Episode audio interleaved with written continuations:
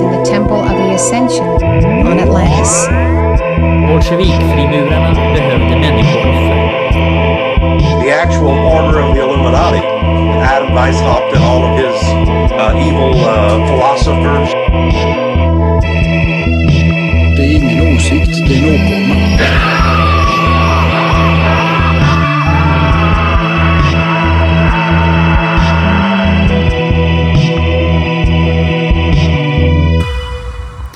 I december 1674 kommer ett brev till greve Magnus de la Gardie.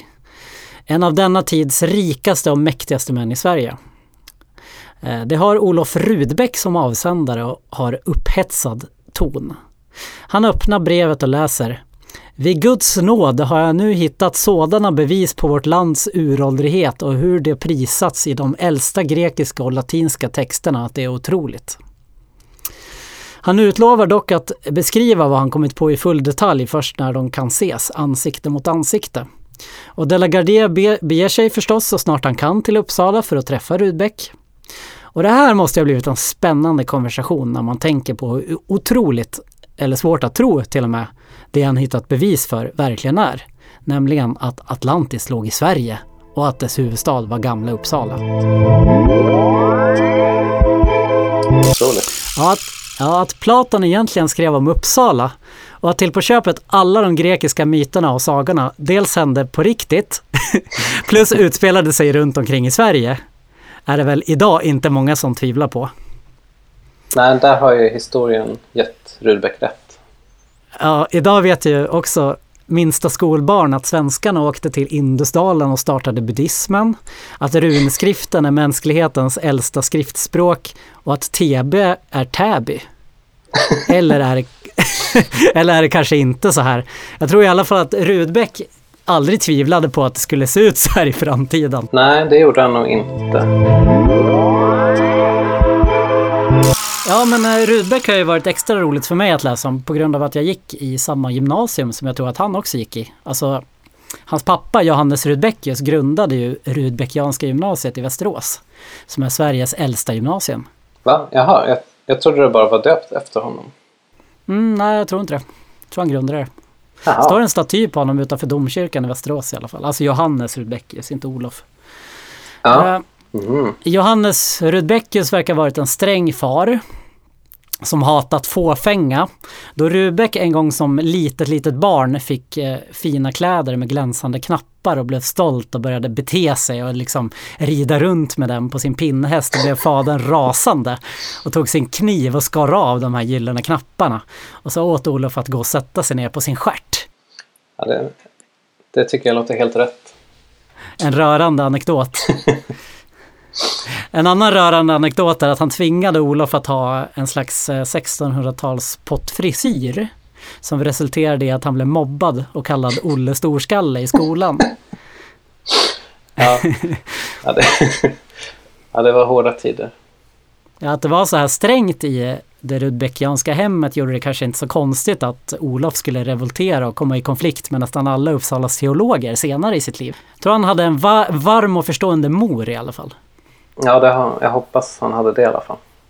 1648 är året då Rudbeck började på Uppsala universitet i alla fall. Och då var det ju stormaktstid i Sverige. Westfaliska freden Mm. skrevs under, det är samma år. Två år senare så dör Descartes i Stockholm av en förkylning. Drottning Kristina regerar och så vidare. Eh, Och eh, kronjuvelen i storriket Sverige var universitetet som fylldes av plundrad kunskap från ockuperade länder i Europa. I den här guldåldern så gick ju då den passionerade unga Rudbeck runt i Uppsala och gjorde succé. I alla fall till en början. Mhm. Vad gjorde han som var så bra? Ja, det är otroligt allt han han med innan han började tänka på Atlantis. Eh, 23 år gammal så upptäckte han lymfkärlsystemet och gav Sverige världsrykte i anatomi till exempel. Det här anses vara den första betydande vetenskapliga upptäckten i Sverige. Ja, inte dåligt. Han de demonstrerade detta för eh, drottning Kristina och hovet, eh, utvecklade också teorier om blodomloppet och fick eh, pengar att studera i Nederländerna. Där fick han en ny passion, botanik, ledde till att han anlade en botanisk trädgård vid Svartbäcken i Uppsala. Jag tror han också var inblandad i den botaniska trädgården som finns nu. Han gav ut en katalog över växter och fick studenterna ut från kammaren till naturen, räknas som föregångare till Carl von Linné som faktiskt prisade hans arbete som botaniker. Ehm, samtidigt med det här botanikintresset så inrättade han den anatomiska lärosalen i Gustavianum. Som både byggmästare och arkitekt. Vid 30 års ålder var han också ordinarie professor i medicin och ökade populariteten jättemycket för det här. Han undervisade också i vilt skilda ämnen som kemi, fysik, matematik, astronomi, byggnadskonst, artilleriväsen, pyroteknik med mera. Han var också insatt i yrken som målare, svarvare, smed och gravör. Han utvecklade ett vattensystem med rinnande vatten upp till staden. Han drev en kommersiell båttaxifirma höll i en institution för fattiga studenter, komponerade musik och hade en enormt imponerande bassångröst som ska ha låtit som åskan. Han förlöste sitt första barn genom att utföra kejsarsnitt på sin fru själv. Han, sk- Oj. han skrev en avhandling om 1664-1665 års komet och blev rektor för Uppsala universitet. Eh, vad gjorde du själv under din Uppsala-tid? Eh, ja, jag åt mycket wok i matlåda på Engelska parken. Ja, vad gjorde man mer? Ja, det var väl det jag gjorde. Ungefär. Ja, man vände på dygnet och Ja. undvek eh, korridors, du vet, grannar och sånt. ja, just det. Det var en ganska stor del faktiskt. Ja, ja, det var inga stordåd i alla fall vad jag minns. Nej, jag inte, inte från min sida heller tyvärr. Nej, vi är late bloomers. Se på oss nu. Men hur skulle, hur skulle Olofs eh, fru Vendela Lorman veta vad hon gav sig in på när hon gifte sig med Olof? Han var ju jätteduktig och karismatisk och passionerad och fylld av liv. Ja, Eh, Han klädde, han klädde sig enkelt men kunde ta ett rum. Han, han hade ett bullrande skratt, röda kinder och kunde liksom eh, ta för sig och prata för sig. Och hans stjärna bara steg och steg tills Mhm. Va? han började fuska med historia. Han var ju inte historiker. nej, nej, nej. Okej. Men en dag så kom hans kompis och kollega Olaus Verelius, som var expert på vikingar och forntiden, och bad honom att rita en karta av Fornsverige baserad på den gamla sagan Verfarar saga. Och det skulle han aldrig gjort. För det Rudbeck såg då han började det här arbetet. Ni kan inte tro era ögon. Nej, vad var det han såg? Ju mer han ritade och läste, desto mer förundrad blev han. Det var som en dröm, ska han ha sagt. Det var så mycket som kändes bekant. Ja, tyvärr vet man inte exakt vad det var som liksom, eh, först fick honom att koppla Verfararsagan till antikens Grekland. Men i boken jag läst som heter Drömmen om Atlantis av David King Mm. så skriver han att det kan ha varit ordet Glasisvellir som är ett slags mytiskt nordligt kungarike där alla levde gott och väldigt länge så att de nästan var odödliga. Eh, och de hängde på något så här grönskande fält. Och om man vill så kan man översätta Glasisvellir till att det blir ungefär glittrande rullande landskap. Och det här fick ju då Rudbeck att tänka på de elysiska fälten i grekisk mytologi. Jaha. Vilket ju också då är ett paradis där gudar beviljade vissa odödlighet. Som beskrivs som stora fält vid världens slut, där svala vindar blåser och alla levde gott och oerhört länge då. Ja, Mm. också känt från förra avsnittet, du vet det här House of Cards avsnittet vi tog upp, som var en parodi på Bohemian Grove. Det hette ju Elysian Fields. Ja, just det. Precis. Men alltså kunde det här landet då som eh, kom från en eh, fornordisk saga vara de elysiska fälten?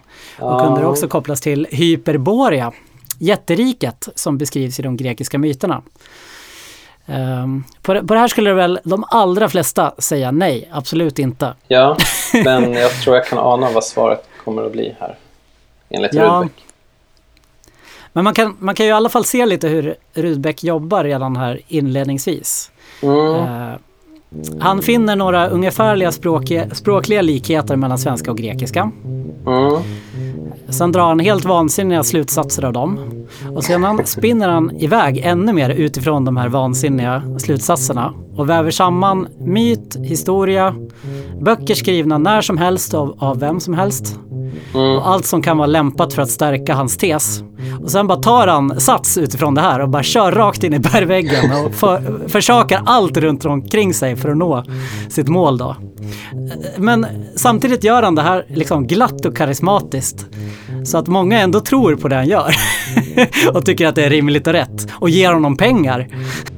Det får man ju ändå ge honom, att han var glad och charmig medan han gjorde det här.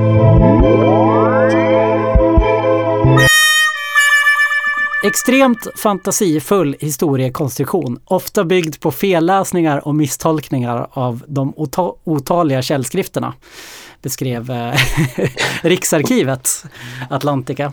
Ja, Och så kan man ju se på det också. Ja om man vill vara en tråkmåns. Men, eh, ja, men det, här, det här är en väldigt bra metod som man tycker vi stöter på väldigt ofta.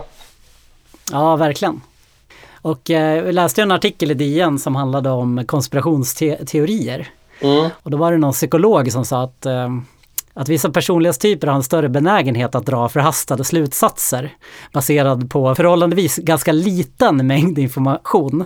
Mhm. Eh, man får väl säga att eh, Rudbeck är ett tidigt exempel på det här kanske. Ja, verkligen. Det är väl sånt som kan bli både väldigt rätt om man har tur och om man har otur kan det bli väldigt fel.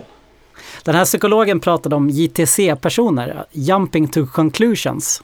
Och det har visat sig då att personer som har den här läggningen eh, också i högre utsträckning hänger sig åt paranoida föreställningar. Fast de behöver inte vara psykiskt sjuka. Och det här är intressant gällande Rudbeck då. Som, Mm. Nej, det är bara en bonus, psykisk sjukdom. jag tänker ju att Rudbeck kanske inte var psykiskt sjuk hela sitt liv i alla fall. Nej, det var han nog inte. Nej, han kan, kan ju liksom varit periodvis i eh, tillstånd som man kan likna vid psykisk sjukdom. Ah, ja. Rudbeck visade i alla fall sina anteckningar för sin vän Verelius. Och vad gjorde han tror du? Eh, han sa att det var fantastiskt, antar jag. Han prisade rönen och hans exemplariska slutledningsförmåga. Han hade nämligen själv kämpat med att kny knyta ihop trådarna i Sveriges forna historia länge utan framgång. Och nu verkar det som att Rudbeck var på god väg att göra det. Ja, Kunde det här vara en historisk välbehövd motvikt mot vad till exempel danska historikern Saxo Grammaticus hade skrivit om Sverige? För att du vet, han var ju dansk så han hade ju inte alltid lyft fram svenskarna i så god dager. nej, nej, det är så himla typiskt danskarna. Ja, precis. Så nu hade de ju kanske tillfälle här att vända det. Eh, Äntligen. Verelius ska också, han ska ha rådfrågat en äldre expert på forn, forn Sverige Mm. om Rudbecks upptäxt som då ska ha brustit i tårar och ropat. Hur har vi inte sett det här tidigare? Ja, det är ju en väldigt bra fråga. Varför hade de inte sett det här tidigare? Nej, alltså vem, vem ska man egentligen lägga skulden på? Ska man lägga den på utövaren, Rudbeck då, eller de som inte sa nej? och Stoppade honom? Alla har väl ett ansvar. Jo, så är det ju.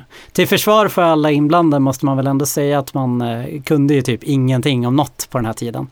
Vetenskapen Nej. var ju ganska annorlunda än vad den är idag. Både, jo, särskilt historie, historievetenskapen också. Man får också ge Rudbeck att han är ganska modern eh, i eh, många avseenden och ändå lyckades prestera en del rimliga saker under sitt liv också. Problemet med Rudbeck var ju att Ja. han var så jävla driftig. Så Rudbeck Mm. gjorde ju klart de här vansinnesprojekten som han eh, kastade sig in i. Om man tar, det fanns ju föregångare till Rudbeck som också var inne på att eh, Sverige var någon slags civilisationens vagga. Till exempel Johannes Bureus, Just det, han eh, Run, den runemystikern. Just det. Precis. En fantastisk person som vi borde ha ett eget avsnitt om nästan. Ja, det kanske kommer senare. Mm, jag hoppas det. Det, är ju, det, det. Jag kommer ju till det för att det är lite svårare att göra ett helt avsnitt om, om honom eftersom han aldrig någonsin gjorde klart någonting under sitt liv. det, Nej. den han efter, efterlämnade var liksom lite så spridda anteckningar om eh, ja, du vet, den hermetiska kunskapen, alkemi, kabbala och runmusik då. Ja, det finns ju två sorters människor. De som gör klart sina projekt de som inte gör det. Som tur var så fick ju Rudbeck tillgång till de här anteckningarna i alla fall. Mhm. Man kan väl också säga, det, säga att under renässansen var antiken och romarnas kultur väldigt trendigt och Rudbeck var förstås väldigt insatt i myterna och sådär. Det fanns också en romantisk revival när det gällde vikingatiden och eh, nordeuropeisk fornkunskap i allmänhet.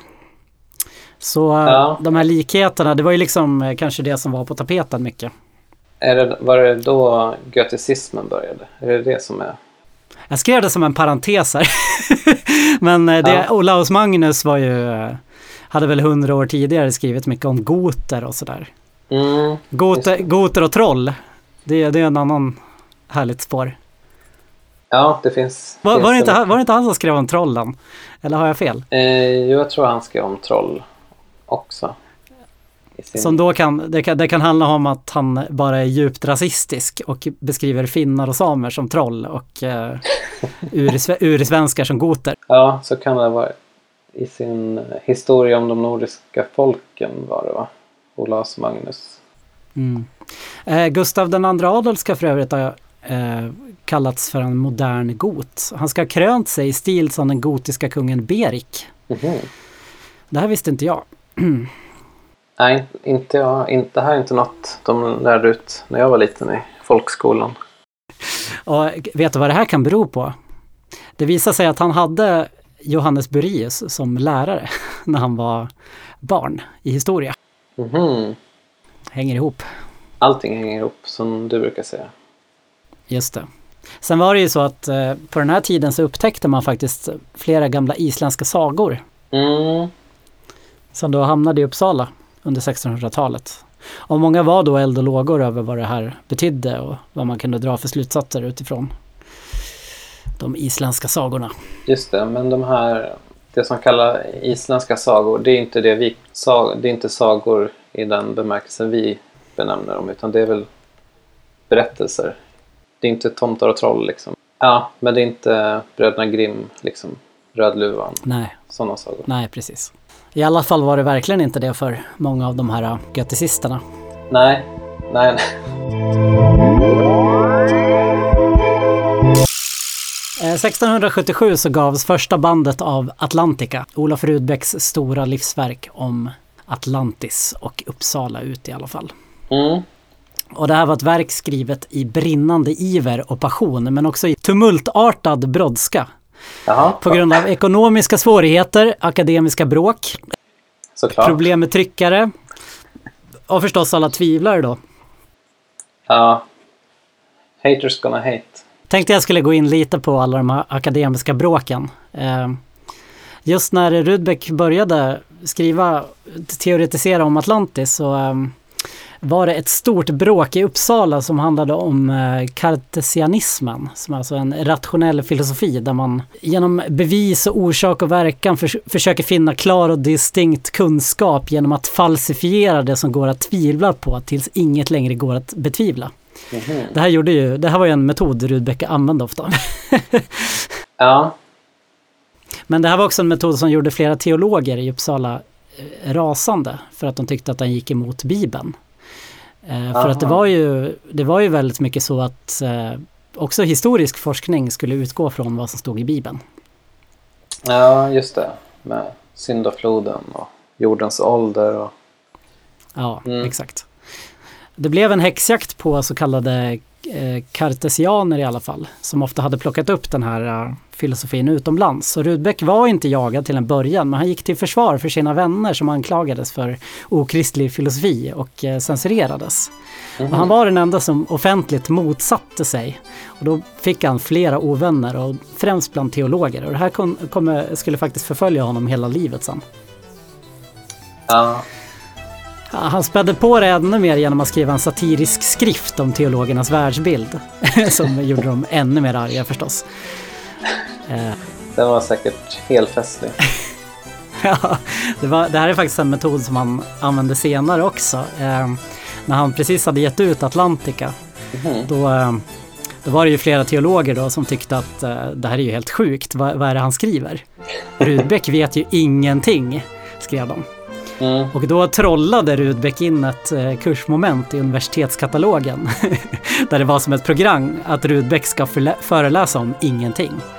Herregud, mina skattepengar. Ja, Precis, dina skattepengar. Och det här blev ju, det här blev ju ramaskri liksom.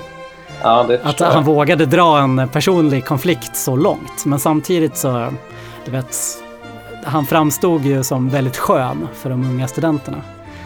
Ja, Är kanske inte lika skönt för de närmaste medarbetarna och sånt. Nej, sam, samtidigt som att eh, när Rudbeck började forska på Atlantis så började han ju missköta precis allt annat. Eh, Hans Ja. föreläsningar i med- medicin blev oförberedda, hans vattensystem gick sönder, taket till anatomiteatern behövde bytas, en av hans broar hade kollapsat. Men eh, Rudbeck kunde ju inte vila så länge det fanns minsta tvivel på att eh, Uppsala var Atlantis. Han var som besatt. Ja, Eh, och det ledde ju till att man eh, inom universitetet började ifrågasätta vad fan han höll på med. Eh, Och faktiskt skulle de här konflikterna i perioder göra Rudbeck både paranoid och liksom att han hade en viss förföljelsemani. Mm. Han, han, ska, han ska i och för sig haft en del fog för det. Han, var ju, han hade en stalker som gick runt beväpnad. Ja. Som tur var så kände ju Rudbeck Magnus de la Gardie som fick den här stalkern bortskickad. Mhm. Jo, ja, men bara, bara för att man är paranoid betyder inte det att de inte är ute efter en. Precis. Ordspråket. Ja, men det, det här, hela de här första konflikterna slutade med att han höll ett långt detaljerat försvarstal. Där han i otrolig detalj då motbevisade sin skuld för universitetet. Genom sin otroliga retoriska förmåga antagligen. Men kanske också med vissa rättshaverist-tendenser, jag vet inte. Ja, det kan jag, kan jag ana i alla fall. Ja. Och sen ska han då ha avsagt sig så många av sina administrativa uppgifter på universitetet och eh, hängivit sig åt att eh, fördjupa sig i knallhattsforskning. Är det, är det facktermer det här? Det är facktermen faktiskt. Ja. det kan man nog, man kan nog kalla det det idag faktiskt. Be- Besviken på samtiden men eh, förundrad och eh, fylld av passion så vandrade han runt vid Gamla Uppsala med ett speciellt mätinstrument faktiskt som han hade uppfunnit. Eh, med, med vilket han utifrån över tusen test så hade sig lyckats ålderbestämma fornlämningar genom jordlager. Ja, okej. Så så här var ju faktiskt väldigt modern och rätt ute för att flera hundra år senare skulle ju arkeologer förfina den här tekniken med att liksom åldersbestämma. Men var inte det att han gick runt med en pinne typ? Jo, det var, det var väl kanske det. Men eh, han tänkte ju rätt. Ja, jo, det, det var bara det jag undrade om. Om det faktiskt funkade på riktigt eller om det bara var själva teorin som var riktig. Ja, nej men det var, det var tyvärr så. Det, det, han, eh, han fick ju resultat som var helt, helt fel. Ja, Eller de, var, de, var, de, var ju fler, de diffade ju på flera tusen år. Ja jo, Han kom, han kom, han kom ju liksom fram till att eh, Sveriges historia började cirka 2030 före Kristus. Alltså tusen år innan till exempel Troja då ska ha eh, existerat. Eh, som på den tiden ska ha också varit ett av de tidigaste belagda liksom, städerna i människans historia. Och Mm. det här skulle ju då också betyda att personerna i Iliaden och Odysseen, om man nu tänkte att de fanns på riktigt, Ja, det gör man ju. Vilket man ju gör, Ja. till exempel levde långt efter att de gamla kungarna i Uppsala högar gjorde. Mm. Och då kunde man ju också tänka vidare då att, att, att eh, Sverige var den äldsta kända civilisationen i världen. Ja, det är väl en rimlig slutsats. Så du kan ju tänka dig hur glad han blev efter alla, allt skit med teologerna och all kritik han hade fått. Ja. Han, eh, när, han, när han efter test på test liksom kom fram till det här att det inte gick att betvivla. Ja, det måste ha varit jätteskönt. Han använde ju den tidens vetenskapliga metoder som vi varit inne på och eh, utgick Mm. från syndafloden som bibliskt var belagd cirka 4000 före Kristus. Mhm. Så han gjorde matematiska uträkningar om släktled från den och jag tyckte allt pekade mot Sverige på något vis. Eh, han hade ju en väldigt, eh, en teori om fisk Jaha. som faktiskt är ganska rimlig att, att, att fisken skulle ha varit väldigt viktig för att återbefolka jorden efter eh, en naturkatastrof. Och det har man ju faktiskt sett att efter någon istid så var fisk väldigt viktigt för att liksom ge hjärnan den näringen den behövde för att utvecklas. Men Ja.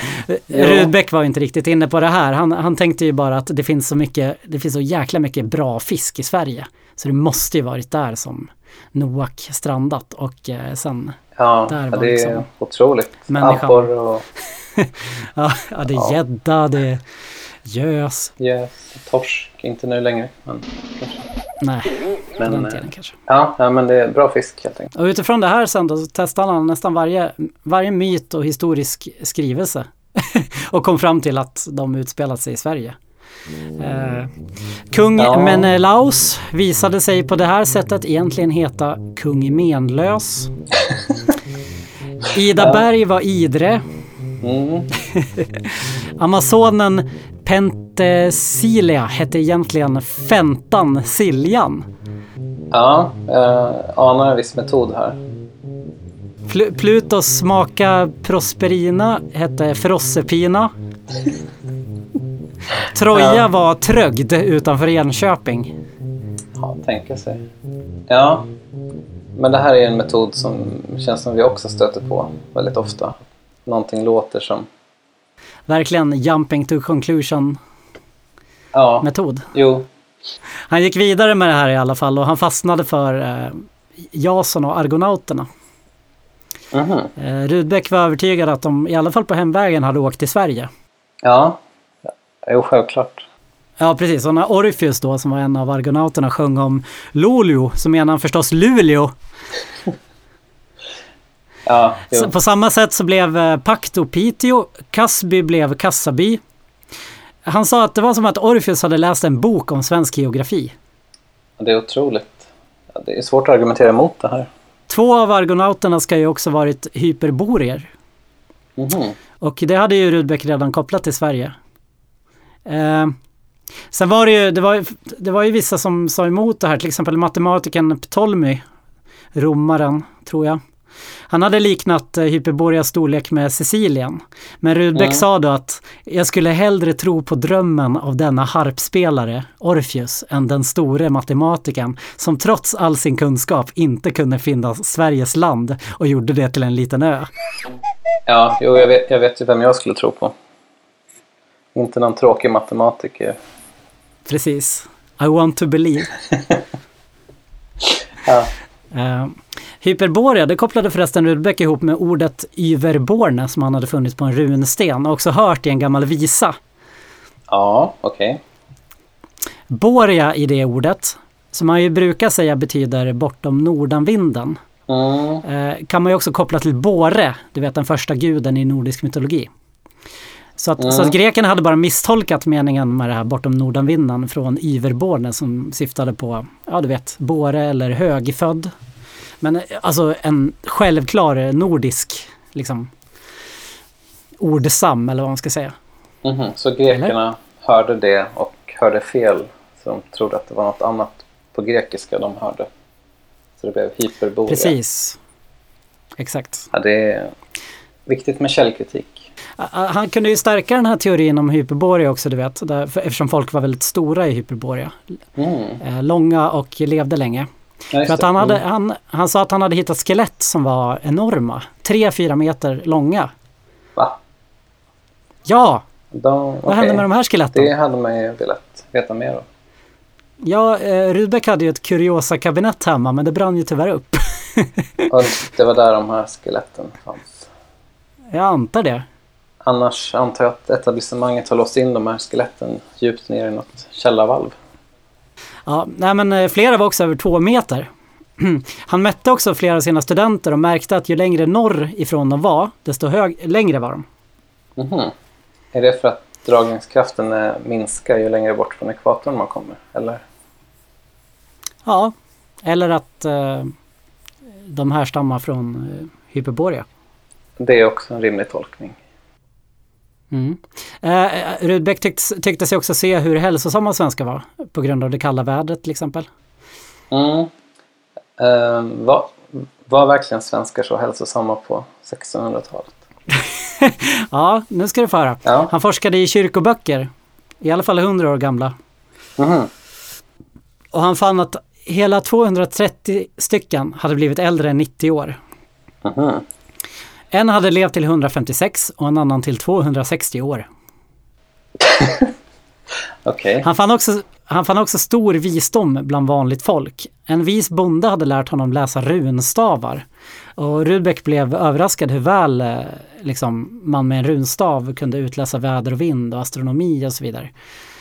Det här såg han då som hyperboreansk visdom som hade överlevt ända till hans dagar. Jaha, ja, jo.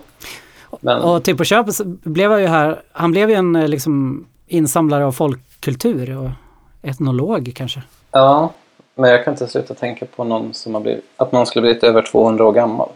Hur, hur, hur kom man fram till det? Det låter Ja, jag vet inte, det, är- det är synd att, att hela hans hem brann upp där 1702 eller när det var. Annars, annars hade vi ju lärt ut det här i skolan kanske. Ja, förmodligen.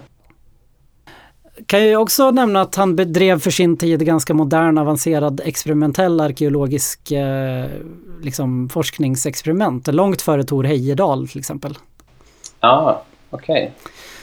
Ef- Eftersom han fått för sig att argonauterna åkte till Sverige så han hade ju en teori då att de hade åkt upp genom eh, de ryska floderna.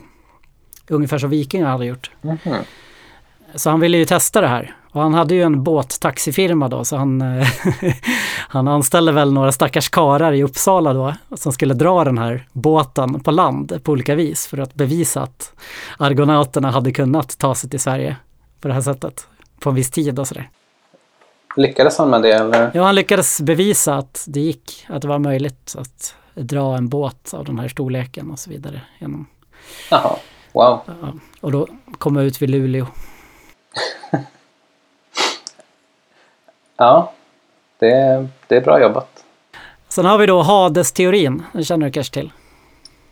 Ja, det var också i Sverige antar jag. Ja, du börjar, du börjar, du börjar, du börjar förstå liksom Jo, jag, jag förstår vart det barkar. hur det fungerar. Ja, precis. Nej, men eh, att det här var dödsriket, det var bara en missuppfattning enligt Rudbeck. Eh, Många i myterna åkte till exempel dit och återvände. Odysseus hade seglat eh, till det här kalla och mörka riket då för att han ville veta framtiden. Och det vet ju alla att det inte finns något annat ställe där folk är så trollkunniga och så mycket siare som i norra Sverige. Nej, just det. Skrev, skrev väl till och med Olaus Magnus om. I sin Precis, att historia. Gustav II Adolf, ja, att han ska ha använt finska trollkarlar med makt över vindar och sådär i 30-åriga kriget och hela den. Ja, Olaus biten. Magnus skrev väl att eh, de var så trollkunniga att man skulle kunna tro att de hade haft själva, självaste Zoroaster som, som läromästare. Alltså den persiske, ja, jag kommer inte ihåg vad han var, vis.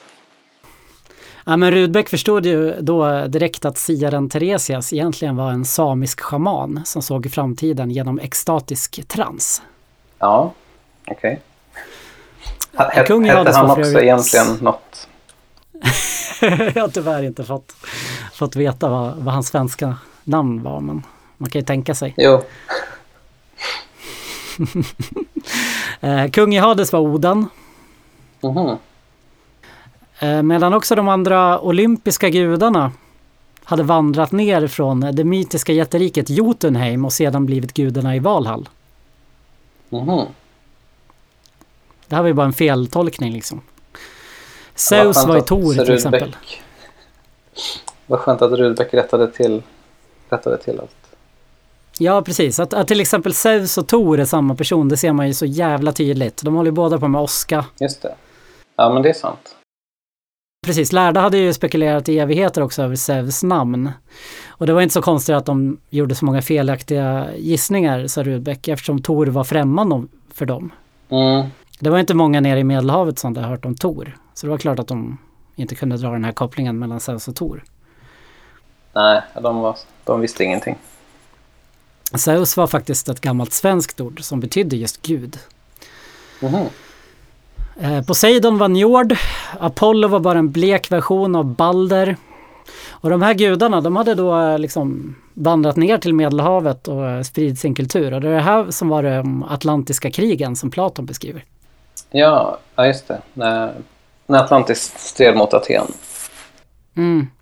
Det var ju då när eh, civilisationens vagga, de nordiska hjältarna och gudarna, eh, liksom, ja, utforskade Europa och gick ner och spred sin kultur.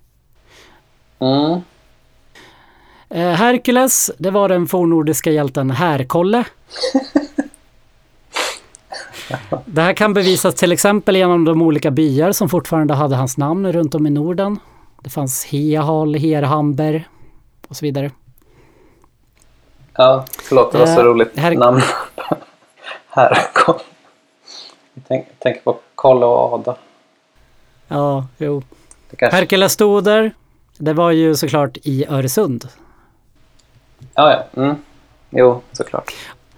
Varför skulle Herkulestoder då ligga i liksom, gränsen mellan Sverige och Danmark? Platon och precis alla andra någonsin var ju tydliga med att eh, Herkulestoder låg vid Gibraltarsundet. Jo, men de hade fel. Ja, Rudbeck gick till Strabo, du vet den eh, kanske tidigaste kända geogra geografen, Mhm. kartritaren. Mm. Ja, han ska faktiskt ha haft hela sju olika tolkningar över meningen och placeringen av Herkulestoder. Eh, och en var då ett mytiskt ställe där argonauterna ska ha passerat. Eh, och Tacitus ska också ha nämnt en romersk kapten som kommit ända till Östersjön och sagt att det finns Herkulestoder långt norrut också. Mhm. Och Herkules ska ju sätta upp de här som en gräns för hur långt man kunde resa och det här tyckte Rudbeck var konstigt då att de då skulle vara i Spanien och Afrika där folk seglade hela tiden på den tiden. Så eh, då var det ju mer logiskt att det var i Sverige som verkligen var långt borta. Ja, det, ja, det är väl bara att hålla, med. Ja, allt, allt faller ju på plats. jo. Och det som inte gjorde det, det kunde ju Rudbeck få att fungera med sitt oerhörda självförtroende. Ja, eller så struntade han väl bara. Han struntade väl bara i Ante också. En, en Ja, del. han hade ju också den, han hade ju också den här intressanta teorin att, liksom att, att inte Sverige var nämnt någonstans i några antika källor. Ja, Det berodde ju på att det här hy- hyperboriska riket, det hade ju varit så lyckligt. Och du vet ju att eh, de lyckligaste tiderna resulterar i de tommaste historiesidorna. Ja, det är sant. Så det, det är ju därför. Ja, allt faller på plats. Ja men o- om då Öresund var Herkulestoder, då var det såklart gamla Uppsala som var Atlantis huvudstad. För genom noga uträkningar så kunde, blev han överraskad hur väl alla mått Platon uppger stämmer inne i Uppsala. Han kunde också rita in hamnar, floder, palats, tempel och ridbanor och allting. Inte på en enda punkt tycks Platon ha brustit i att beskriva landskapet i Uppsala, sa Rudbeck. Mhm. Uppsala var ju också känt som en fertil och rik region med vackra ängar och det här gick ju ihop med Platons eh, beskrivning av Atlantas. Eh, Fairest of all plains ska han ha skrivit. Något i den Ja, stilen. just det. Och Fälten Platons sprutade de- ur sig mat Ja. och grejer. Ja, precis. Platons detaljerade mått, eh, vad det nu var, 3000 stadiga långt, 2000 stadiga brett. Det, kunde, det här kunde också Rudbeck få in i Sveriges geografi eh, med gamla Uppsala som utgångspunkt. Eh, Uppsala höga var de heliga kullarna i Atlantis. Och bergen som beskrivs, det var Skanderna då. Eh, vilka, skan, vilka, vilka berg är det? Det är väl den här äh, stora bergskedjan som går vid Norge upp till Norrland typ. Ja, okej. Det är Ja, väl där i Idrefjället. ja, ja, nej, jag är faktiskt inte så bra på geografi. Eh, men- Nej, inte jag heller. Men han skickade i alla fall tre studenter dit på en expedition för att mäta dem. Och det här måste ju varit en fantastisk, fantastisk resa på 1600-talet. ja, Och resultatet blev ju kraftigt överdrivna mått. Men eh, man får väl ändå säga att hela expeditionen genomfördes på ett modernt naturvetenskapligt vis. Typ. Ungefär, ja. Atlantis komplexa kanalsystem var Stockholms skärgård. Att han inte fann det här stora kungliga palatset i Gamla Uppsala, det förklarar han med att det antagligen hade varit av trä. Då försvinner det och bryts ner med tiden. Mm. Och, och om det hade varit av sten så hade ju säkert folk tagit den här stenen till att bygga andra saker. ja, det är jättebra bevis. Att man inte har hittat något. Ja precis, han tvivlade också på Platos beskrivning av att staden hade försvunnit i en naturkatastrof. För hur kunde den göra det? För i skapelseboken säger Gud att, eh, att jorden aldrig mer ska försvinna i vatten. Jaha, det tänkte inte Platon på. Nej, så han trodde ju mer på det här med degeneration och korruption då som sagt förstörde allt och lyckades koppla ihop det här med en annan gammal eh, fornmyt om kungen Atle. Och där hör du ju på namnet vartåt det barkar. Jo, jag, jag kan nästan räkna ut. Atle ska ha haft ett stort och mäktigt rike som blivit korrumperat och förstörts i eld. Mm. Och det finns ju namn eh, liksom på eh, orter överallt. Så Atlesjö, Atleby, Alby ska alla varit bevis för det här. Atlasbergen fanns i Atlefjäll. Ja, Och framförallt Atland ska, ska vara ett gammalt namn för Sverige. Det visste inte jag, men det visste inte jag heller. Nej, det, den svenska titeln på Atlantica är ju Atland eller Mannheim då. Eh, och namnen hade ju sedan ändrat form då genom att som eh, Platon också skriver att de översatts i olika led. Då. Sen, sen är det inte så konstigt när man tänker på Kritias-dialogen och så vidare att de ändras ännu mer, att de här namnen kommer från Sverige, vandrar ner till eh, Medelhavet, Egypten har en, ett sätt att säga dem och så skriver Mm. egyptierna det Mm. till, ja du vet. Det var ju tur att Rudbeck kunde rekonstruera namnen då. Kom fram till att det var i Sverige. Ja, men han tänkte, eh, Rudbeck tänkte sig att det här templet i alla fall eh, hade utvecklats till den gamla kyrkan i Gamla Uppsala. Att guldet som eh, skulle finnas där hade väl plundrats då, men man kunde hitta bitar av Atlantis i kyrkans väggar. Så därför gick Rudbeck ofta dit med olika studenter och tog bitar av väggarna och knackade i dem. det måste varit jättejobbigt för prästerna och munkarna. Ja. Men då ska han i alla fall funnit bevis på både guld och silver och koppar. Och även eh, limestone. Vad, Det är kalk. Hur översätter man det? Ja, Det okej, är väl kalksten. Ja. Men hittade han orichalcum då? Den där vackra metallen? ja, men han sa att det, var, nå- det kanske var någon blandning då, guld, silver, koppar och sådär. Och att det var Atlantis duktiga smeder då som hade sammanfört det här. Och en av hans studenter skulle ha hittat en rostig spik med lite guld på. Ja, Okej, ja visst. Ty tyvärr inte bevarad. Ja, om bara den hade varit bevarad hade vi haft bevis. Till slut hade ju Rudbeck kommit fram till 102 bevis varför Atlantis låg i Sverige. Ja, det är ganska många. Jag, kom, jag kan inte ens räkna hur många du har nämnt nu. Det är bara en bråkdel. Ja, Det var ju lite svåra tider för Rudbeck för var, du vet Amerika upptäcktes ju samtidigt. Så han fick ju lite Mm. konkurrens där i, i vad som är Atlantis. Det, det var ju ganska, just det. ja du vet i, i eh, Amerika fann man liksom pyramider som såg ut som de i Egypten och sådär. Man hittade aztekernas huvudstad som ju steg upp ur vatten och hade ett avancerat kanalsystem och tempel mitt i och sådär. Ja, Men, men, vad är eh, det mot Gamla Uppsala? Precis, Rudbeck beskrev ju att, att Amerika skulle vara Atlantis, det var bara ren fåfänga. Och baserades på en total felläsning av Platon. Han tänkte att det låg för långt bort helt enkelt. Att man inte på den tiden hade tekniken för att segla ända till Medelhavet utan kompass och sådär. Ah, okej. Och, och att om det hade varit det så borde det finnas eh, bevis på deras språk, vanor, lagar och religion i Medelhavet. Och det fanns det ju inte. Däremot fanns det ju oerhört många bevis på Sveriges kultur i antikens Grekland. Mm. Ja. Jo, det är sant.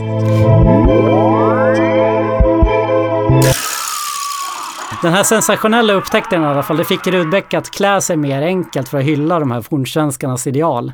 Eh, han översatte universitetsprogram till svenska och där gjorde han väl någon slags eh, kanske viktig sak, att det blev lättare för svenskar att, att läsa dem. Att de inte var på Ja, latin då. det måste ju ha varit revolutionerande ändå, tänker jag. Precis. Ja, eftersom svenska ju var äldre än både latin och grekiska så var det inte så konstigt heller att det skulle stå på nej urspråket. Eh, Han gjorde också planer för att bygga om universitetets huvudbyggnad efter det kungliga palatset i Atlantis med nereider och delfiner och Poseidon och allting. Wow, Det ha- hade inte det varit otroligt? det hade, då hade ju min studietid blivit mycket roligare, kan jag säga. Ja. Tänk det här eh, 200 meter breda palatset med Eh, 100. 100 havsnymfer på delfiner. Ja. Ja, det, det hade jag gärna sett faktiskt. Mm. Tyvärr fanns det inte pengar för det. Annars hade det säkert genomfört. Ja, ja det är tråkigt när det kommer sådana räknenissar och förstör allt. Ja, precis. Han kom, på, han kom ju på jättemånga bevis såklart också för att grekisk, latin och alla världens språk utvecklats ur runorna. Ja, visst. Ja, visst. Han hade någon teori om att du vet Merkurius, Mm. eh, Mer- Merkurius stav, att utifrån vinklarna på den så kan man utläsa alla runor. Mhm, Ja, Sen eh, har vi andra bevis som att pater och fader låter väldigt lika. ja, det är sant. Så därför måste ju svenskan vara äldst. Mm. Jag tycker det är roligt också att Johannes Bureus hade velat byta alfabetet mot runor. Alltså i början av 1600-talet. Och att 1611 hade en lag eh, genomförts som gjorde att man förbjöd vanliga grammatikböcker. Till förmån för runor då, runskrift. Mhm. Vad hände med det? Ja, det, det, det hade man ju velat... Det hade varit spännande att se. Med runtangent- tangentbord på datorn och... ja, precis. Eh, när Sverige sen skulle byta från juliansk kalender ehm, så, så föreslog faktiskt Rudbeck att, eh, att man inte skulle byta till en gregoriansk då, utan en baserad på Atlantis runor. Det hade också Det här skulle innebära, ja, det här skulle innebära att man förlorade några minuter varje år. Men det gjorde ingenting enligt Rudbeck då världens undergång ändå var nära. Vad är det för argument? Vad fan är? Alltså jag tycker att ibland så kommer det in så sidor av Rudbeck som, där, där man, eh, som inte alls är den här härliga, du vet, eh, driftkaren. Nej, det är ett ganska starkt argument i och för sig. Ja. Inget spelar någon roll ändå. Det, det ska ju också tydligen ha varit så här att när han hade den här akademiska konflikten, den första, och blev mer, mer och mer hårt kritiserad, att han började så här bli övertygad om att han skulle dö. Mm. och började bete sig väldigt melodramatiskt och liksom hela tiden hänvisa till sin vacklande hälsa och att slutet snart var nära. Och att det här var en tendens han hade i sin personlighet att liksom hela tiden ta, ta, ta, ta den metoden liksom när han blev lite hårt kritiserad. Ja, får roliga scener i, i huvudet. Nå, någon, borde Man göra, får så mycket roliga bilder. jo, någon borde göra en film om det här. Precis, jag tycker också att det är så härligt med du vet, Magnus de la Gardie Mm. som är en sån jävla klåpare. Eller, eller jag- jag vet inte så mycket om honom men allt, allt jag läser verkar ju liksom han verkar ju bara misskött saker. Mm. Just, just Rudbecks beskyddare. Typ. Precis, han var, han var, han var ju Rudbecks liksom mecenat. Mm. I alla fall så länge han hade pengar. Han, han var ju otroligt rik. Han beskrevs som rikets rik, eh, vackraste man också tror jag, vilket är konstigt när man kollar på bilderna på honom. Men Förlåt eh, för konkurrensen kanske. Förlåt Magnus de la Gardie, men ja. Det kanske inte var så hård konkurrens. Nej, alltså han, han var ju otroligt rik. Han ska ju ha haft typ så här hundra gods eller någonting som han liksom tröttnade på och reste vidare till nästa gods. Och sen åkte han vidare till det andra. Han, eh, var det, du, du visste mer om det här att han kanske anlade Li, Lin, Lidköping eller Linköping eller något sånt där. Så han skulle bygga sin Eh, egen stad. Jag tror att det var Lidköping. Han hade också ett slott som heter Makalös. Det har etsat sig fast i mitt Wow, minne. bra namn. Men han, han kom ju dels i konflikt med drottning Kristina. Det sägs att han var delaktig i att liksom splittra drottning Kristina med Bell, den här kvinnan som hon kanske hade en lesbisk relation med. Man vet ju inte. Men sen också att De la Gardie var ganska bra på att prata skit om folk. och att han har blivit liksom ställd mot väggen många gånger för det och hamnat i onåd liksom.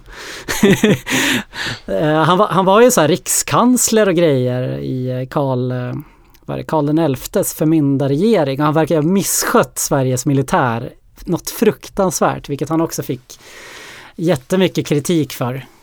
När danskarna anföll Sverige där Sen när Karl den XI var lite äldre så ska ju det blivit total katastrof för att alla liksom kaptener och amiraler de var liksom bara vanliga lallare eller du vet så här adelsmän som inte kunde något.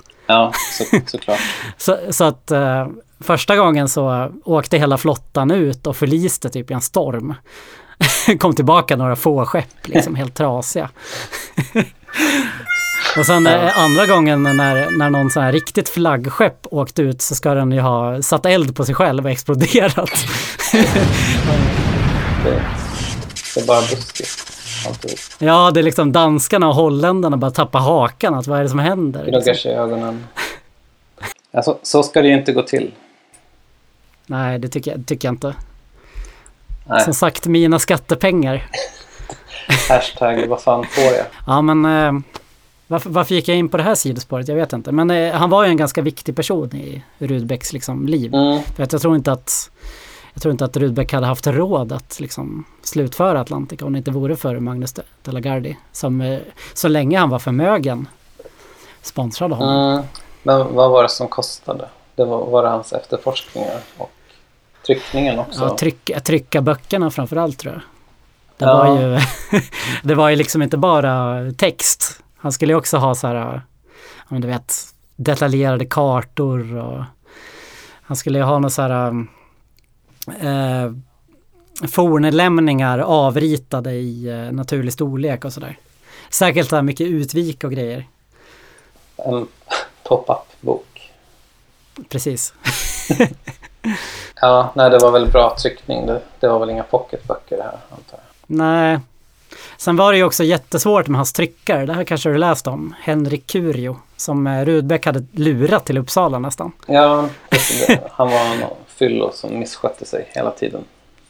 Om Ja, precis. Han hade, ju fått, han hade ju fått löfte om lön från universitetet av Rudbeck då, som universitetet inte hade råd med. Och han hade misskött sitt jobb mycket på grund av alkoholism och det blev fruktansvärda produkter då när det skulle tryckas någonting. Jag får väldigt roliga bilder i, huvudet av det här också. Ja.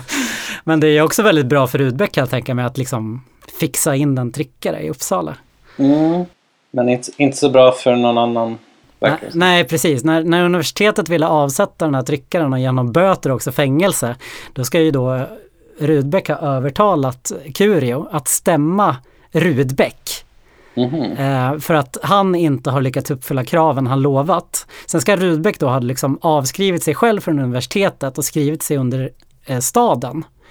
Så att han liksom var i en annan juridisk, jag vet inte, jag Mhm. vet inte hur det funkade på 1600-talet. Men då stämde han då i sin tur universitetet för att de inte hade, eh, att de hade den yttersta skulden. Jaha, då, det verkade säkert rimligt. Om man skulle ha varit där så hade det verkat glasklart och rimligt. och det, och det här måste ju varit extremt provocerande för universitetet eftersom du vet Rudbeck hade ju forskat om Atlantis i massa år och eh, Mm. liksom byggt otroligt eh, flådiga projekt och sen misskött dem.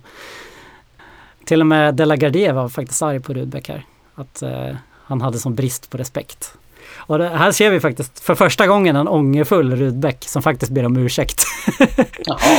Med att han bara ville hjälpa sin vän Curio då. Mm. Det var ju snällt av honom i och för sig. Men eh, Mm. ingen annan verkar ju ha gillat Curie.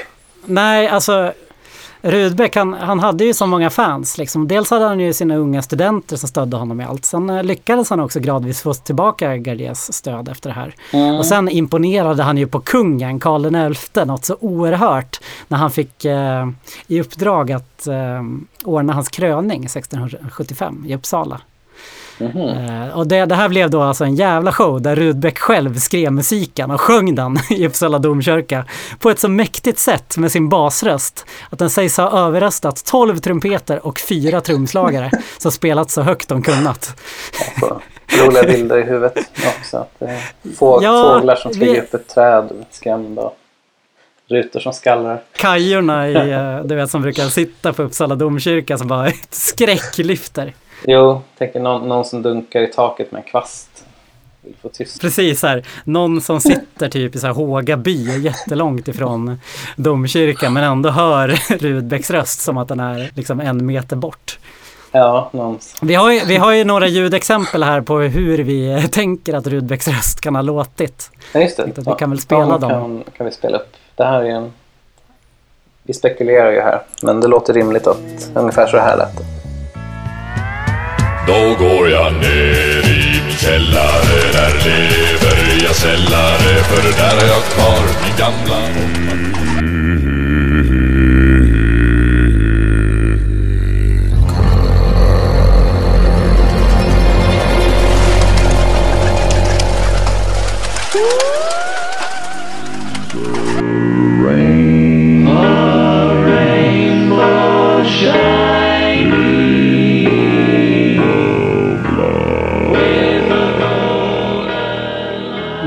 Det här är ju det här är ju bara vi som spekulerar som sagt. Men ja, kanske så här kunde det ha låtit då när Rudbeck sjöng för kungen 1675. Ja, eh, ja men eh, kung, kungen blev så otroligt imponerad av Rudbecks sångröst. Eh, att varenda gång han kom till Uppsala efter det här så krävde han att Rudbeck skulle sjunga för honom. och det här ledde också till att han sponsrade Atlantica till slut. Och också frigav Curio, vilket gjorde, gjorde det möjligt för eh, Curio-tryckaren att flytta in på Rudbecks tomt och bli hans personliga tryckare.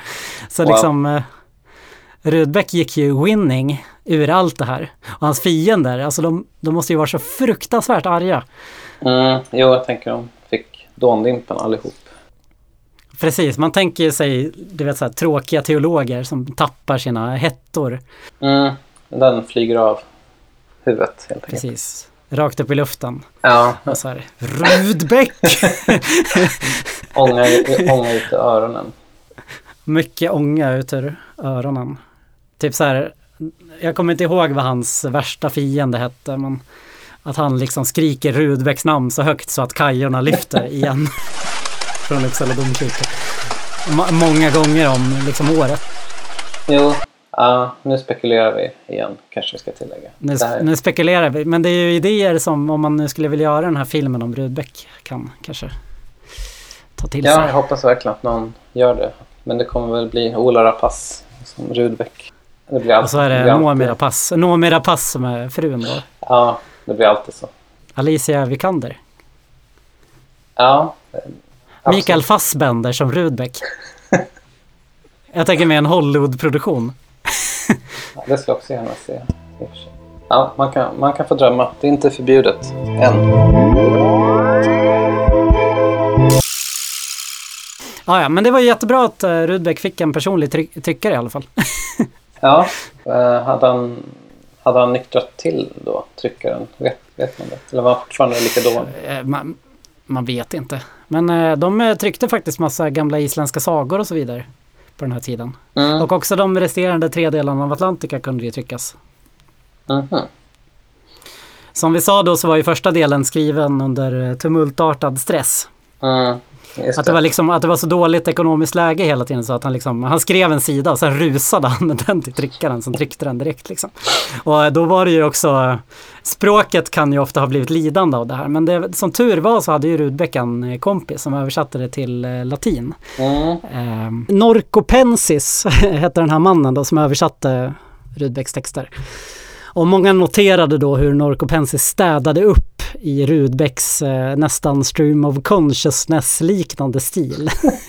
där inte mycket liksom där, där han inte la så mycket energi på eh, kanske grammatik och rättstavning och så. Nej, Så det var ju tur att han hade honom. ja. ser, ser framför mig en text som helt saknar punkter och styckendelningar.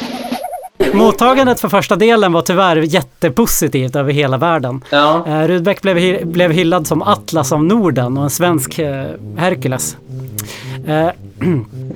Den kände Moorhof i Kiel sa att han, ja, han läste den i en enda läsning och kallade den gudomlig. London Royal Society skrev att det ej kunde beundra nog det kraftfulla geni och överflöd av lärdom med vilken R hade skrivit verket. R. Rudbeck menar jag då. då. Mm. Och, så, och de gav honom också strålande recensioner för det. Han blev också eh, föreslagen som medlem av eh, Royal Society i London. Det är otroligt. ja var, det som, var, det de, var det det som Newton var, var med i? Eller? Så det var inga klåpare liksom? Eh, så fienderna blev väl antagligen ännu argare. Ja. Dels eh, för att de aldrig trodde att han skulle lyckas slutföra projektet. Nej. Eh, och även för att alltså, den var ju så uppenbart tokig. Jo, det, men det var ingen som såg det. Nej, de, flesta, de flesta var ju på Rudbecks sida då kanske då. Ja, Eh, och man kan ju också säga då att all kritik han fick in och alla så här förevändningar, de, eh, då, då, de bara liksom byggde på hans passion. Att då ville han ju bara motbevisa dem och stärka sin tes. Och det var ju Ja. på det sättet han skrev de, resten av delarna också. Och de är väl, eh, andra delen är väl också upp mot tusen sidor har jag för mig. oj. Tyvärr, tyvärr såldes eh, Atlantica ganska dåligt. Så Rudbeck var sur på att alla lånade ut sina ex till varandra till exempel. Ett vanligt problem. Ja, Hans gamla vän Verelius blev också sjuk och dog ungefär där när den gavs ut. mhm. Och då blev det en strid om vem, skulle, vem som skulle ta över rollen som bibliotekarie på universitetet. Och Rudbeck ansåg sig förstås vara självklar. Särskilt eftersom han hade redan hela biblioteket hemma hos sig. Han hade liksom långlånat typ alla de här gamla isländska sagorna. Han hade silverbibeln hemma. han hade liksom fruktansvärt viktiga och eh, dyrbara historiska dokument hade Rudbeck bara liksom, ja du vet, egenskap att vara Rudbeck ja tagit hem på långlån. såklart. Eh, Stackars, stackars bibliotekarie. Det var liksom, jag tror att det var Verelius som hade haft eh, någon slags ansvar för, för att rensa upp i det här kaotiska biblioteket redan innan. Mm. Och då hade Verelius tyvärr bett Rudbeck om hjälp. Mhm. Och det Rudbeck då har, har gjort verkar ju då varit att han bara använt biblioteket som sitt eget. Så när då, det blev ju tyvärr inte Rudbeck då som blev nästa bibliotekarie utan det blev en teolog som heter Schütz. Mm. och, och då blev Rudbeck så arg att han gömde nyckeln till biblioteket. en metod han faktiskt hade, hade använt sig av tidigare när en annan av hans teologfiender skulle bli eh, rektor. Då hade han gömt nycklarna till musikinstrumenten på universitetet så att det inte blev någon musik alls under liksom den här galan. Alltså förlåt, jag måste, jag måste bara prata om det här också. Men när Schütz då började i biblioteket så märkte han att det var ju totalt kaos.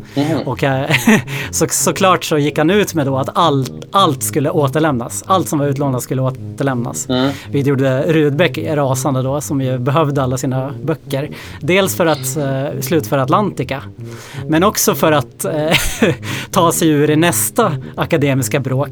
Det hade nämligen liksom startat en inkvisation av teologerna för att reda ut universitetets eh, affärer. Mm. Så Rudbeck hade det inte lätt. Han var hårt ansatt och tvungen att eh, liksom gå tillbaka många år i historien och återge gamla händelser och hur eh, ekonomin hade skötts i universitetet. Ja, just det. Gamla, Eh, och det här tog... eh, Ja, Det som är så tråkigt. Leta gamla kvitton. ja precis. Leta gamla kvitton. Fick, fick, men han, det var ju ändå han kunde göra och han gjorde också det. Och liksom, Mm. det här var ännu en period när han blev paranoid och såg fiender överallt. Och han började återigen säga att han var nära döden. Han hade hjälpt eh, ungefär 32 personer in i universitetet men alla verkade vända sig emot honom. Mm. Typiskt. han beskrev det hela med att det var som du vet, en bonde som hittar en frusen orm som han värmer för att den ska överleva och så biter or- ormen honom. Gud vad vackert. Så ska jag börja säga. Vackra, precis. Om, om någon avföljer mig på Instagram till exempel. Ja, det blev, det blev en jävla massa stridigheter i alla fall. Mm. Men det, det löste sig, som tur var. Blev han tvungen att lämna, lämna tillbaks böckerna? Eller hur var det? Ja, han, han fick liksom, det var ju någon så här hot med hot om våld typ. att nu måste du lämna tillbaka dem, annars, annars tar vi dem med våld. Men till slut så Rudbeck ska ha suttit med så här medhjälpare och hetskopierat böckerna han behövde då och sen till slut lämna tillbaka allt. Eh, Så, men eh, det, han fick faktiskt sen eh, 1685 ett brev av kungen Mhm. som fått höra hur hemskt Rudbeck hade behandlats. Och då gav honom massa pengar för att ge ut Atlantica och också skrev hur fruktansvärt det var det här som hade, teologen hade utsatt honom för. Att han han fick upprättelse. lämna tillbaks böckerna som han hade lånat. Ja, det är Ja, fie- men eh, nu var ju fienderna knäckta liksom. Ja, än, ännu argare. Och Rudbecks ambitioner svällde som sagt ännu mer och det blev tre andra delar. Ja, svår att stoppa. Skulle filmen kunna... Filmen skulle kunna heta det kanske. Ingen kan stoppa Rudbeck. Och det var nu också han kom på det här med att du vet, svenskarna hade skapat buddhismen. Och, Eh, ja, det, det var också någon ord, något ord som lät likadant, eller antar jag. jag, jag vet inte, det hela började med att Kina var på modet och att det var någon som skrev till Rudbeck och undrade om inte svenskarna också hade varit i Kina. Ja, jaha. Och då antar jag svaret. Ledde, ledde väl såklart då till att Sverige också hade låg till grunden för all visdom som någonsin kommit ifrån Asien. Ja, men var det inte någonting med Buda? Någonting som heter Buda? Det Ja. lät som, Det var, Buddha. det var något med det. Det var, ja, ja. såklart. det var någon eh, person i, i något eh, medeltida manuskript va? Som hette Buda. Ja, det, måste, det måste vara något sånt. Skulle bli förvånad om det, var, om det inte var så. Ja, han hade en annan student som gjorde en tusen kilometer pilgrimsresa till Atlas- Atlasbergen, Mhm. Skanderna då, där han eh, såg var hyperborerna studerade stjärnorna och skapade världens äldsta solkalender. Det blev också en mindre turistindustri i Uppsala där folk kom från över hela världen och blev runtvisade i Atlantis av eh, Rudbeck då. Blev de inte besvikna kan man undra? Nej, det blev de inte. Det kom en polsk ambassadör Mm. Eh, och Beck skrev att jag vet inte om min fru kysst mig lika mycket på ett år som ambassadören hade gjort efter eh, att han hade visats runt i Atlantis. Det, här, Den här ambassadören, ja, det vill jag också ha med i filmen. ja, för att Rudbeck bjuder ju den här polska ambassadören på en helt underbar middag. Eh, där han har, han kom, där han har liksom gjort musik såklart. Man kan ju tänka sig att han sjöng också. Ja. Och eh, samtidigt ska liksom kanoner ha avfyrats hela tiden under fem timmar.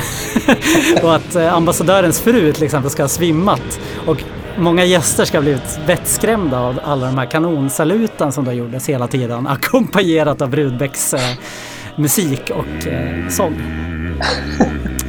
Ja, Han hade också, han hade också hyperboreanska kypare. Alltså de längsta studenterna han hade kunnat hitta med så långa skägg som möjligt. Som vissa ska ha haft skägg ner till knäna. det låter väldigt praktiskt för en kypare. Verkligen. Ja, just det. Skäggig soppa och sådär. Ja. Ja, men han verkar ju ha haft det ganska härligt i slutet av sitt liv. Han samarbetade mycket med sina barn och sådär. Tyvärr skedde ju den här branden 1772. Nej, 1772, 1702. Där en eld hastigt, hastigt spred sig genom Uppsala och förstörde eh, väldigt mycket av Uppsala. Och också Rudbeck, Rudbecks hus och nästan alla hans ägodelar. Mm. ja, det är synd. Och eventuellt de här tre meter långa skeletten då. Eller? Ja, kanske. Och allt annat då, alla de här fornlämningarna han hittade som Mm. bevisade allt. Det har ju getts då bilder om hur Rudbeck själv står och öser vatten för att rädda Gustavianum och struntar i sitt eget hem då som brinner upp. Tillsammans med tryckpressen och Kuriosa-kabinettet och tusentals träsnitt och nästan alla osålda kopior av Atlantica. Ja, Att han var ja det är sorgligt. Han ska ha kommenterat det hela med Herren gav och Herren tog. Välsignat vare hans namn evinnerlig. Från Jobs bok. Det var storsint. Ja, verkligen. Och sen några månader senare ska han ha varit på du vet, stadskontoret med ritningar om hur staden kunde byggas upp. Jag vet inte om de användes men kanske finns det så här gammal Atlanti atlantiska spår då i de här. Ja, kan, kanske. Ja, eh, tyvärr så dog han några månader efteråt. Eh, han blev eh, sjuk och dog fridsamt i sin säng. Mm. Och man tror att han själv har författat orden på gravhällen i domkyrkan som är i Mortalem Atlantica, Mortalem hic Kippus monstratur. Att han är odödlig visar Atlantica. Att han var dödlig denna sten. Wow. Tyvärr blev ju då Atlantica synonymt mest med vilt okontrollerat spekulerande efter hans död. Att rudbeckisera blev också ett begrepp faktiskt som handlar om att gå tillväga just som Rudbeck gjorde när han skrev Atlantica. Mm. Det är väldigt bra ord. Det tycker jag vi ska Mm. lägga på minnet. Det tycker jag verkligen är ett ord som vi kommer ta med oss till framtida poddavsnitt också. Veckans rudbeckiserare. Ja, alltså jag har, så, jag har så mycket att säga om det här. Jag skulle kunna fortsätta. Men vi måste ju avsluta någon gång. Ja, jo. Jag vill bara ta upp en sak till. Det, det här är ju så jävla kul. Att man upptäckte ju förfalskningar i massa gamla skrifter. Och man vet ju inte om Rudbeck var inblandad. Just det. Vissa tror ju det. För att det var ju, det var ju en eh, konflikt där en annan professor kom med en teori om att Gamla Uppsala inte låg i Gamla Uppsala. Johannes eh, Schaefferus. Mm, just Det här hade ju förstört hela Olof Rudbecks livsverk om det var så. Mm. Men, men som tur var så hittade man i Rudbecks egna bibliotek ett gammalt manuskript. Just det, i, i en bok. Det låg i en bok, eller hur var det? Precis, det låg i fel bok, alltså det var bara en sida ur, ur någon gammal krönika av en biskop som var bevis då på att Gamla Uppsala låg där Upps, Gamla Uppsala verkligen ligger. Det är, Så han hade ju rätt att Gamla Uppsala låg där, men Ja, men det var ju en himla tur. Att ja, hittade. det var en jävla tur måste man ändå säga.